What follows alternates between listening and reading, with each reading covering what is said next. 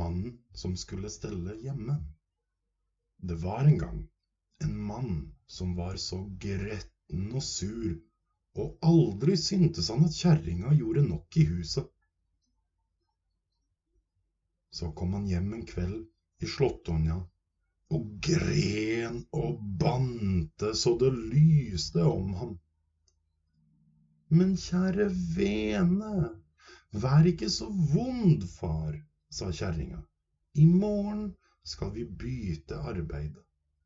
Jeg skal gå med slåttekarene, så kan du stelle hjemme.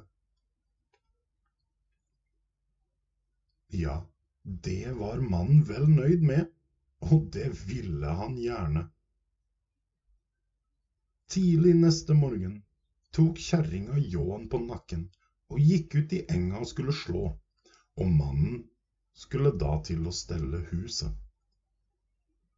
Først ville han til å kjerne smør, men da han hadde kjernet en stund, ble han tørst og gikk ned i kjelleren for å tappe øl mens han holdt på å tappe i ølbollen, fikk han høre at grisen var kommet i stua.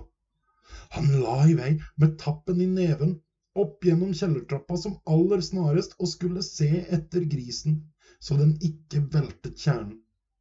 Men da han fikk se at grisen alt hadde slått over henne kjernen og sto og smattet, på fløten som rant utover gulvet, ble han så flyende sint at han rent glemte øltønnen og satte etter grisen det beste han vant. Han nådde igjen den i døren og ga den et dyktig spark så den ble liggende på flekken.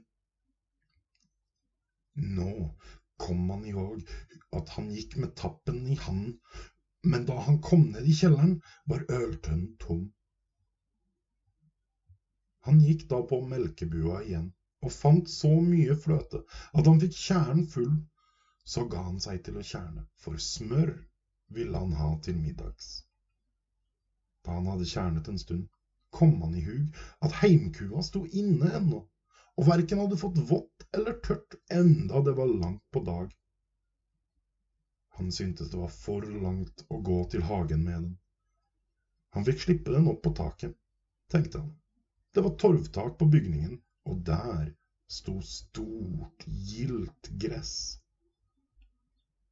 Huset lå i en bratt bakke, og når han la en planke bort på taket, så trodde han nok han skulle få opp kua.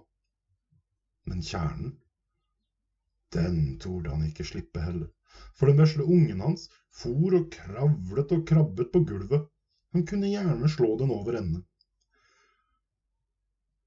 Så tok han kjernen på ryggen, men så skulle han gi kua vann først, før han slapp den på taket. Å ja, han tok en bøtte og skulle ta vann i brønnen, men da han bøyde seg over brønnekanten, rant fløten ut av kjernen og ned i nakken på ham. Det led sterkt til middags.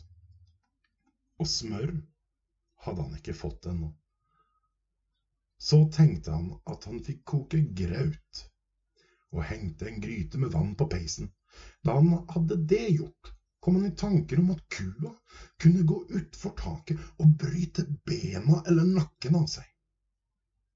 Så han gikk opp og skulle binde den. Den ene enden av repet bandt han om halsen på kua, slapp det ned gjennom pipa, bandt rephella om låret sitt, for vannet kokte alt i gryten. Og han måtte til å stampe grauten. Mens han holdt på med det, falt kua utafor taket likevel, hun, og dro mannen opp gjennom pipa. Der satt han fast, og kua hun hang utafor veggen og svevet mellom himmel og jord og kunne verken komme opp eller ned. Kona hadde ventet i syv lange og syv brede på at mannen skulle komme og rope hjem til middag. Men det varte og det rakk og ikke ble det til noe. Til sist syntes hun det drygde vel lenge og gikk hjem. Da hun fikk se at kua hang så stygt til, gikk hun bort og hugg av repet med ljåen. I det samme falt mannen ned gjennom peispipa, og da kjerringa kom inn, sto han på hodet i grautgryta.